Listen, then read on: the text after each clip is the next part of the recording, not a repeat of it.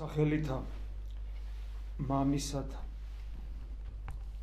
და ძისათა და სულისა წმინდისათა დღეს მარკოს מחარებელთა აღმოვიკითხეთ იმ პერიოდის შესახებ რომელიც სამყაროში დადგება ანტიქრისტეს გამეფების ჟამს მეორედ უფლის მეორედ დიდები დაბრუნების წინ.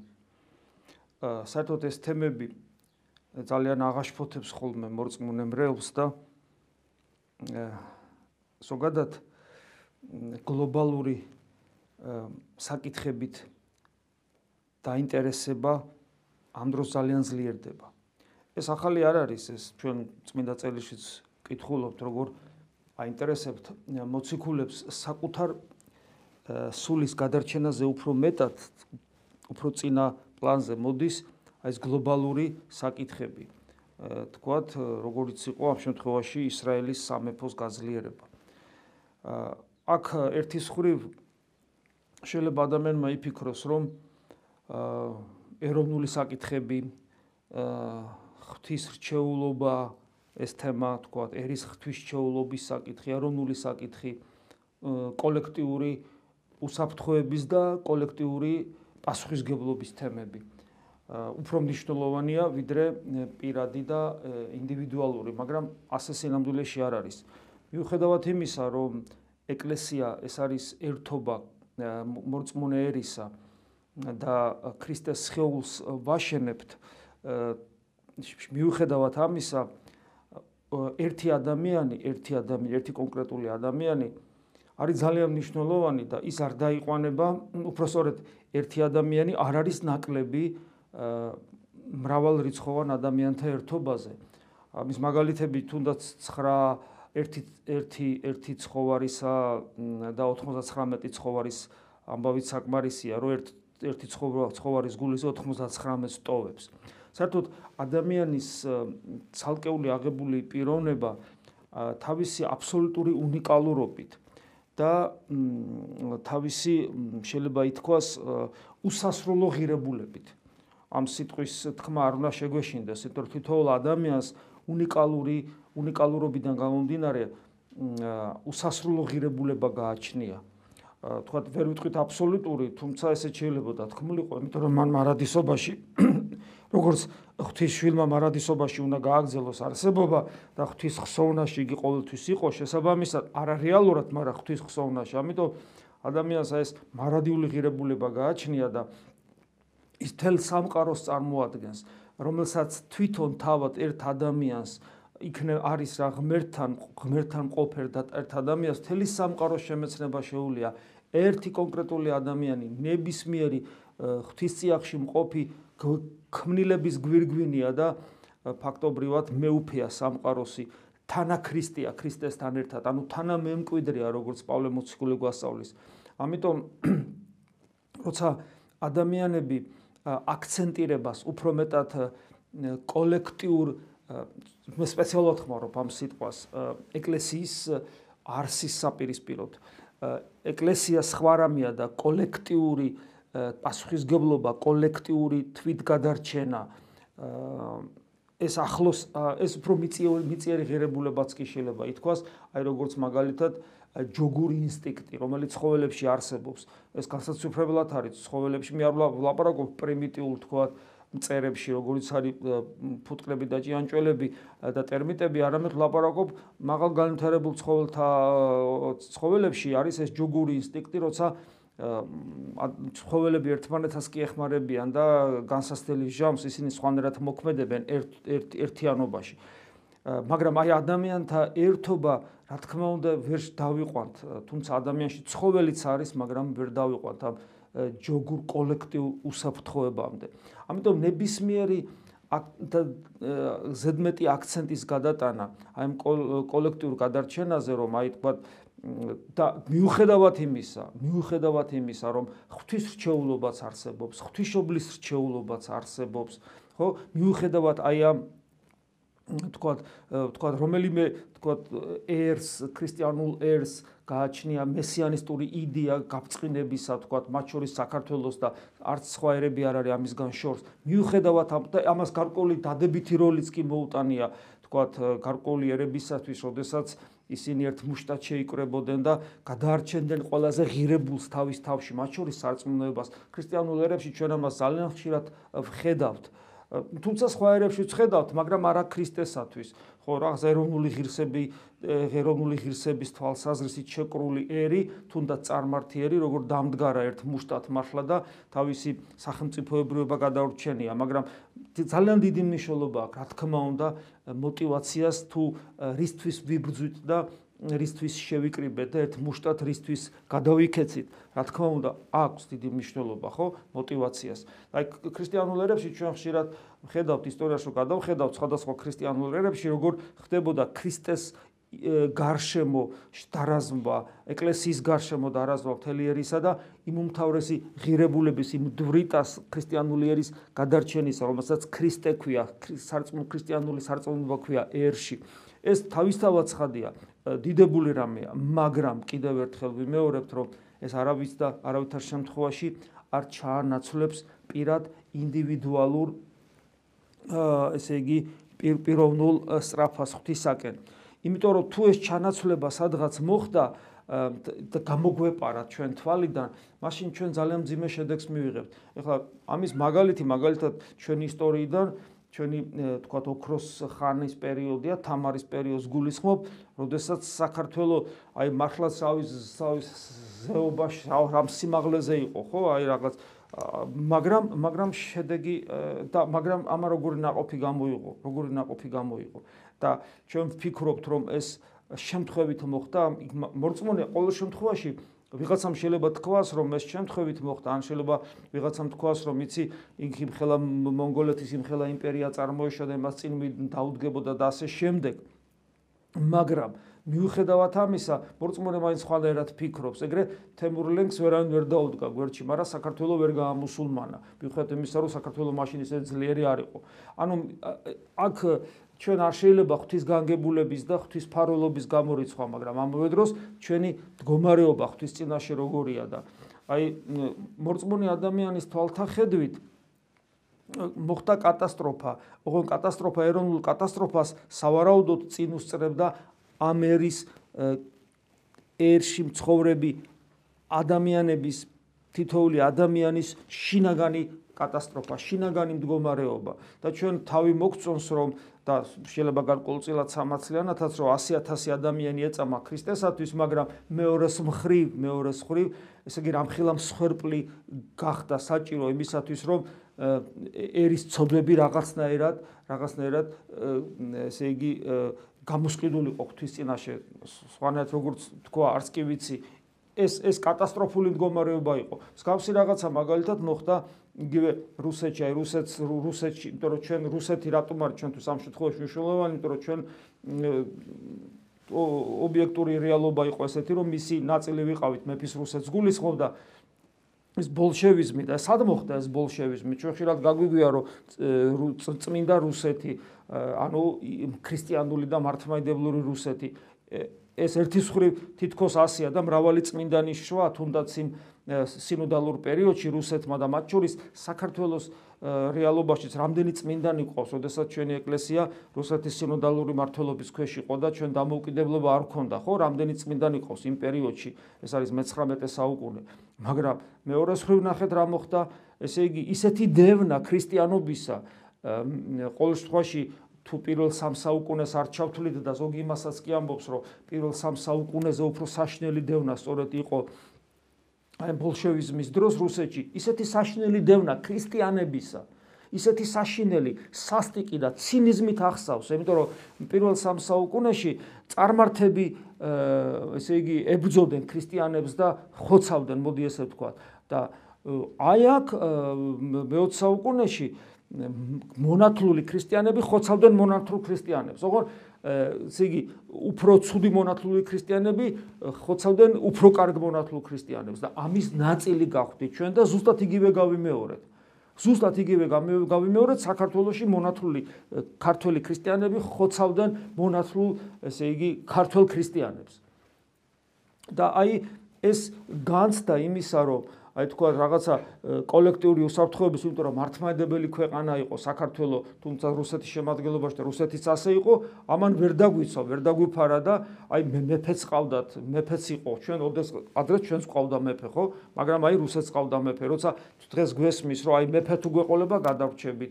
თავისთავად მეფობის ინსტიტუტი თქვა ისეთი მსგავსი, რაც თქვა ევროპის ზოგიერთ ქვეყანაშია, შეიძლება თქვა როგორც პოლიტიკური მართლობა ვიღაცას მოეწონოს და შეიძლება ცუდიც არ იყოს. მე არ ვიცი პოლიტიკურად ვერ გავარჩევ ამ საკითხს, მაგრამ ფაქტი ერთი რამეა, რომ მეფეც იყო, ქრისტიანული ქვეყანაც იყო, ეკლესიაც მაღალ დონეზე იყო, მაგრამ მოხდა კატასტროფა საშინელებად. ერთ-ერთი მიზეზი მე ვფიქრობ სწორედ არა ჯანსაღი მესიანისტური განწყობებია და კოლექტიური უსაფრთხოების განცდა, რომელსაც საფუძვლად არ უდევს ჭეშმარიტი ეკლესიურობა, ეკლესიოლოგიური აზროვნება და ჭეშმარიტად თითოეული ადამიანის პასუხისგებლობა ღვთის წინაშე. თითოეული ადამიანის პასუხისგებლობა ღვთის წინაშე. და ეს ცხაძი, ცხაძე ცხადია დღესაც რო გადავხედავთ მაშინდელ რეალობას რუსეთის ეკლესიისა და კიდევ ვიმეორებ, იმიტომ რუსეთისო ჩვენ იმპერიის ნაწილი ვიყავით, მაშინ ჩვენ დავინახავთ, რომ რა ტიპის ქრისტიანობა იყო მაშინ. მაგალითად, როგორ შეიძლება და იოანე კროშტანტელს სულ ლამის ყვიროდა ეს დიდი წმინდანი, რომ არ შეიძლება ესე გულგრილობა. როგორ შეიძლება, რომ ადამიანებისათვის ნორმა იყოს წელიწადში ერთხელ ზიარება და ეს თითლებოდეს, რომ ეს ეს ეს ნორმაა და ეს ქრისტიანობა არის. ანუ ადამიანები აბსოლუტურად გულგრილნი იყვნენ პირად სულიერ ცხოვრების თვალსაზრისით. აი ესე იყო.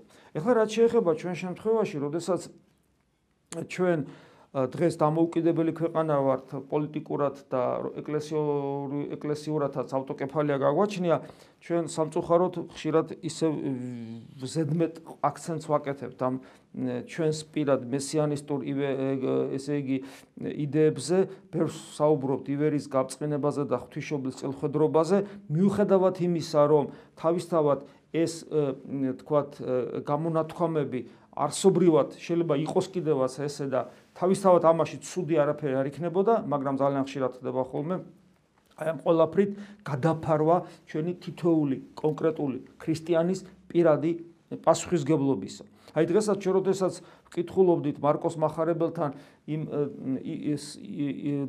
ესე იგი სიუჟეტს, სადაც წარმოჩინდება, თქვა მეორედ მოსulis წინ ანტიქრისტეს პერიოდში რა უმძიმესი პერიოდი იქნება, აქაც მინიშნებებია, როცა ეს მარკოს მახარებელი აღმოვიკითხეთ, მაგრამ ჩვენ აღმოვიკითხავთ სხვა מחარებლებთანაც და დავინახავთ რომ უმნიშვნელოვანესია აი პირადი დამოკიდებულება უფალთან. აი თქვა ორნი იქნებიან ველსაზე და ერთ წარიტაცებს ერთ დატოვებს. ორი იქნება სარეცელსაზე და ერთ წარიტაცებს ერთ დატოვებს.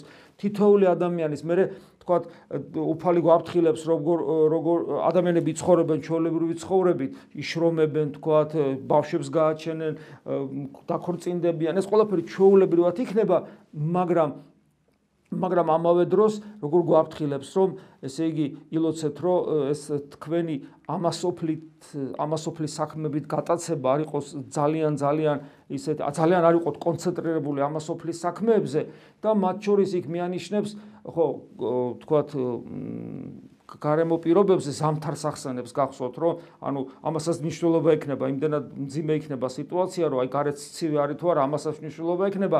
კიდევ ვიმეორებ აი ლოთის სოლის მდგომარეობაში არ აღმოჩნდეთ რომ უკან არ გავიხედოთ რომ საგვეუბნება რომ თქვა თუ გარე ხარ სახში არ მიმურდა რაღაც რაღაცისთვის. ანუ ეს მზაობა შინაგანი მზაობა როგორი უნდა კონდეს ადამიანს რომ ამას ეს შევთვალოთ იგავური სახეებია.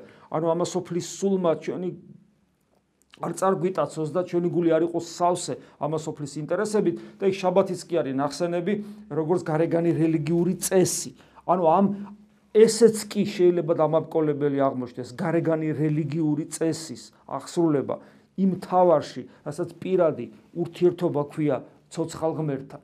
და რა თქმა უნდა, როდესაც აი ამ პირადი ანუ კოლექტიური კოლექტივში რო ვერ გადარჩება ადამიანი და ეს კოლექტივად შეიძლება ეკლესიაც კი კოლექტივად გადაიქცეს.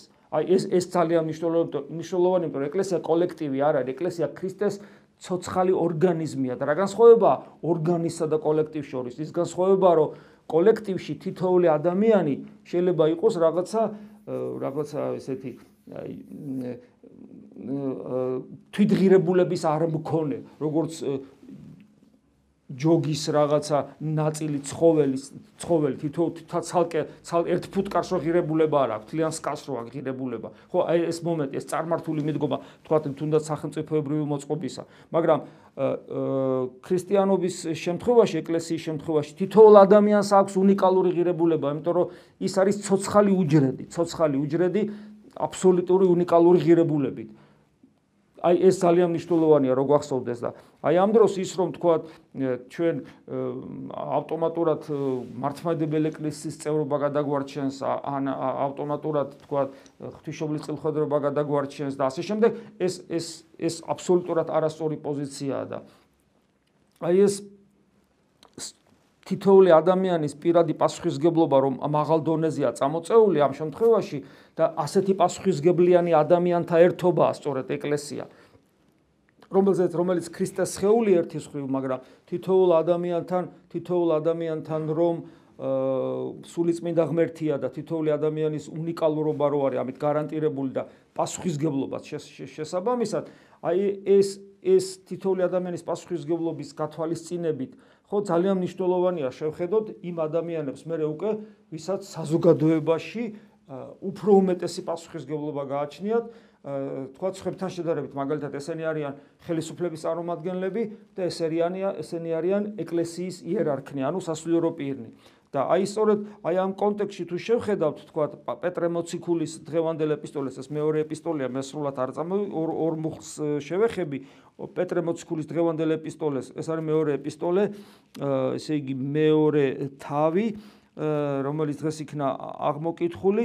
აი ნახეთ აქ როგორც გამარტებლები ამბობენ საუბრობს პეტრე მოციქული ეკლესიის წარმომადგენლებზე რომლებიც აცდენელი არიან თავად. ანუ იერარქიაზე საუბრობს იერარქიაზე რომლებიც აცდენილი არიან ჭეშმარიტებას და ამ ჭეშმარიტების აცდენის მიზეზი მათი შინაგანი არაჯანსაღი მდგომარეობა. ასე წარმოგვიჩენს პეტრე მოციქული. მაგრამ ჩვენ განვაზოგადეთ ესე იგი ადამიანები რომლებსაც განსაკუთრებული პასუხისგებლობა დააკისრა ღმერთმა ამ შემთხვევაში ქრისტიანულ ერში საქართველოში. ესენი არიან პოლიტიკური ხელისუფლებაში მყოფნი და ესენი არიან საეკლესიო იერარქიაში მყოფნი ანუ სასულიერო პირები. მათ შორის ღდლები ჩვეული არა მარტო ეპისკოპოსები არამედ ღდლები რომელთა სიტყვასაც ერი ისმეს. ანუ ჩვენზე ჩემზე თქვა ამ შემთხვევაში ხო? აი ნახეთ პეტრე მოციქული როგორ გვაფრთხილებს რომ თუ ავწდებით ჭეშმარიტებას ავწდებით მაშინ იქ სხვადასხვა მძიმე სიტყვებს გვეუბნება საკმაოდ, საკმაოდ, ამას თქვენ შეგიძლიათ მე ნახოთ, ეს არის კიდევ მეორე პეტრე მოციქულის მეორე ეპისტოლეს მეორე თავი და იქ მათ შორის ესეთ რამეს ამბობს. ვინაიდან თავიანთი მაღალ ფარდოვანი ფუჭ სიტყვაობით, რა არის ფუჭ სიტყვაობა? სიტყვა, რომელსაც არსი არ გააჩნია. სიტყვა რომელიც გულზე მიმული არ არის. უბრალოდ ჰაერის ამღრევაა, მეტი არაფერი. ხო? ვინაიდან თავიანთი მაღალ ფარდოვანი ფუჭ სიტყვაობით ხორციელ გულის თქმათა სიბილწეში იტყუებენ იმათ ნახეთ სიტყვა შეიძლება მაღალფარდოვანია მაგრამ გული ხორციელ სიბილწეში ჩანთქმულია. შესაბამისად ამ სიტყვას მხოლოდ დამანგრეველი ნიშნულობა დამანგრეველი ზემოქმედება აქვს. იმიტომ რომ სიტყვა გულის ენერგიის გამტარია. და აი ხორციელ გულის თქმათა სიბილწეში იტყუებენ იმათ რომელიც ოდნა რომლებიც ოდნავ ჩამორჩნენ საცთურში დანთქმულთ ეს ძალიან საინტერესო სიტყვაა ანუ თუ მე თქვა არაჯანსაღად გადმოვცემ არაჯანსაღად გადმოვცემ წესით სწორ სათქმელს ანუ ამ შემთხვევაში ჩემს სამღვდელო მდგომარეობას არაჯანსაღად ვიყენებ. ან თქვა რომელიმე თქვა პოლიტიკური ლიდერი ხელისუფლების წარმომადგენელი არაჯანსაღად იყენებს თავის უფლებამოსილებას სიტყვა უთხრას ხალხს და არაჯანსაღად იმიტომ თუნდაც რომ გული გული არ მოსდევს და გული პირიქით ამასოფლის სულში და ცოდვაშია დანთქმული ვის ვინ სტუნდებიან ამ არაჯანსაღი სიტყვით? ყველა კი არ სტუნდება. არა აი ნახეთ ვინ სტუნდება. ვინც ოდნავ ჩამორჩნენ საცთურში დანთქმულ. ანუ მე საცთურში ვარ დანთქმული უკვე. და ვაცდუნებ იმას ვინც ოდნავ ჩამორჩა. ანუ ვინც თავის შინაგანი მდგომარეობით მიდრეკილია მიდრეკილია იმისკენ, რაშიც მე უკვე ვიმყოფები შეგნებულად. ამიტომაც იგივე ანტიქრისტეს ცნობა არ ცნობის შემთხვევაში რომ ეშინიათ ხოლმე რომ აი თუ ვერ ვიცნობ თუ შენ შინაგანად მიდრეკილი ხარ იმ სულისაკენ რომელ სულსაც ანტიქრისტი ატარებს ხო? მაშინ აუცილებლად ვერ იცნობ მას. და თუ შენ ქრისტესკენ ხარ მიდრეკილი და ქრისტეს მაძიებელი ხარ, ვერავითარ შემთხვევაში ის ვერ გასტუნებს და ვერ მოგატყილებს. და მე აგზელებს პეტრე მოციქული, რომ ასეთი ადამიანები ამ შემთხვევაში თქვა თუ მე თქვა ჩემი არაჯანსაღი გულიერი მდგომარეობით ფუჭ სიტყვაობ მაღალ ფარდოვან მაღალ ფარდოვნად, მაშინ ასეთი ადამიანი აცტუნებს ხვებს და ამ დროს ასვაკეთებ თავისუფლებას აღუთქვამთ მათ თვითონ მონები ხრწნილებისა. გესმით? თავისუფლებას. ეს ხო თავისუფლების კენ მოწოდება ხო ჩვეული მდგომარეობაა წესით, როგორც მღვდლისგან, მღვდლისგან წესით ასეა, ასევე პოლიტიკურ ლიდერებისაგან. მაგრამ ეს საცდურად ქცეული სიტყვა არის, იმიტომ რომ თავისუფლებას როგორ აღუთქვავთ ცხებს, თორსა ჩვენ თვითონ ხრწნილების მონები ვართ და რატომ? ვინაიდან ვინც რისგან არის ძლეული, მისივე მონა თუ მე შინაგანად მონა ვარ უწმინდურობის მაშინ როგორ შეიძლება მე თავისუფლებას სხვას აღუთქვა ხო ესია და შემდეგ აგზელებს რომ რადგან თუ ჩვენ ჩვენი უფლისა და მაცხოვარი იესო ქრისტეს შემეცნების წყალობით ამ ქვეყნიური ბილწებისაგან განრისხებული ამ ქვეყნიური ბილწებისაგან გამორიდებული შეიძლება ასე ითქვას უფლის წყალობით, ყოლავ იმავე ბილწებით გავისვრებით და დავიძლევით, მათთვის ეს უკანა ასა დროს ჩვენთვის ეს უკანასკნელი ყოფა უწინდელზე უარესია. გახსოვთ სიტყვები უფლისა, როცა მადლი განწმენს ადამიანის სულს, მე გეშმაკი გარბის ამადლის გამო, მე ტოტახანში მოbrunდება და რომ დაინახავს, რომ ეს цаრიელია, მაშინ შვიდ თავიზე უბოროტეს მოიყვანს. ეს მომენტია, როცა ადამიანი ან საეკლესიო მსახურებაში მოდის სასულიერო პირი ხდება, ან რაღაც პოლიტიკური ლიდერი ხდება, არჩევნებში გამოიმარჯვებს და რაღაც ესეთი წარჩინებული ხდება. პირველ პირველ ხანებში მას ერთგვარი სასულიერო პირსაც, პოლიტიკოსაც გარკვეული ეიფორია შეიძლება კონდეს, რომ აი, აი მე მოვედი და ეხლა ხალხს უნდა უპატრონო და ერზე უნდა ვიზრუნო და ეკლესიაზე უნდა ვიზრუნო და აი ეს განწყობები ხომ გვაქვს ხოლმე აი ეს განწყობა, რომ აი ამ მომენტში თითქოს რაღაც ამაღლებული მდგომარეობა კონდეს, შეიძლება კონდეს ადამიანს ერთგვარი ეიფორია და ადგილი აღარ იყოს თითქოს ქვენაგზნობებისათვის და ეგოიზმისა და სხვადასხვა მანკიერებისა და ანგარებისათვის. მაგრამ ეს დროებითია. მას ფესვი არ აქვს, სიღრმე არ აქვს და ცოტა ხანში სამწუხაროდ იგივე კი არა უარეს მდგომარეობაში ვარდები, იმიტომ რომ ჩემი გული არ არის განწმენდილი და ასე დროს შემდეგ უფრო მწარე სიტყვებს ამბობს პეტრე მოციქული უჯობდათ საერთოდ არ შეეცნოთ გზა სიმართლისა ვიდრე შეცნობის შემდეგ უკუქცეულიყვნენ მათთვის მიცემული წმინდა მცნებისაგან და აი ეს ძალიან მძიმე სიტყვები სწორედ მათზე თქმულა მართალი ანდაზა ზაღლი მიუბრუნდა თავის ნარწყევს და ნაბანი ღორი კლავ წუმპეში ჩაგორდა.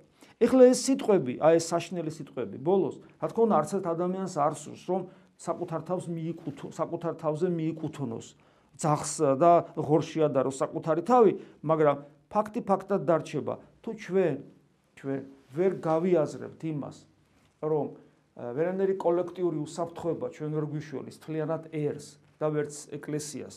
ამ შემთხვევაში ეკლესიას არა როგორც ქრისტეს მისტიურ სხეულს, არამედ როგორც მორწმუნეთა აი ამ ერთობას, ადამიანურ ერთობას, არამედ უმნიშვნელოვანესია პირადი პასუხისგებლობა, პირადი, პირადი გულის გაწმენდა, პირადი სულიერი ცხოვრება, პიროვნული, ანუ ღვთისმაძიებლობა, შინაგანი ცხოვრება, ჭეშმარიტი ლოცვა და ჭეშმარიტი ევქარისტიული ცხოვრება, ანუ მადლიერებით ცხოვრება. თუ აი ამ პასუხისგებლობას ვერ გავითვალისწინებთ, ვერანაირი ვერც ღვთისმშობლის წილხედრობა, ვერც ივერის გაბწყინების, თქვათ, ლამაზი იდეალები და ვერც ჩვენი მომხიბვლელი царსული, თუმცა ჩვენი царსული მარტო მომხიბვლელი არ იყო, და ვერც დღევანდელი თქვათ პოლიტიკური გარემო თუნდაც უამრავი მეგობარი ყავდეს ვერან ვერ გიშველის თუ ჩვენ პირად პასუხისგებლობას წინარ წამოვწევთ და თითოული ჩვენგანი თითოული ჩვენგანი არ დადგება ღვთის წინაშე როგორც ერთი ცალკე აღებული სამყარო რომელიც არის პასუხისგებელი საკუთარ თავზეც და საკუთარი თავიდან გამომდინარეც უკვე საზოგადოებაზეც, ერზეც და ეკლესიაზეც. და აი ეს არის სწორედ ჩვენი ღირსება, რომ ჩვენ არა ვართ ჯოგის ნაწილი, არამედ ჩვენ ვართ პიროვნებები და თითოეულ ჩვენგანზე არის დამოკიდებული ჩვენი ერის კეთილდღეობას და ჩვენი ეკლესიის გაფწინებაც. ამინ. მადლი უფლისა ჩვენისა იესო ქრისტესი და სიყვარული ღვთისა და მამისა და ზიარება სული საწმინდისა იყოს თქვენ ყოველთა თანა. ამინ.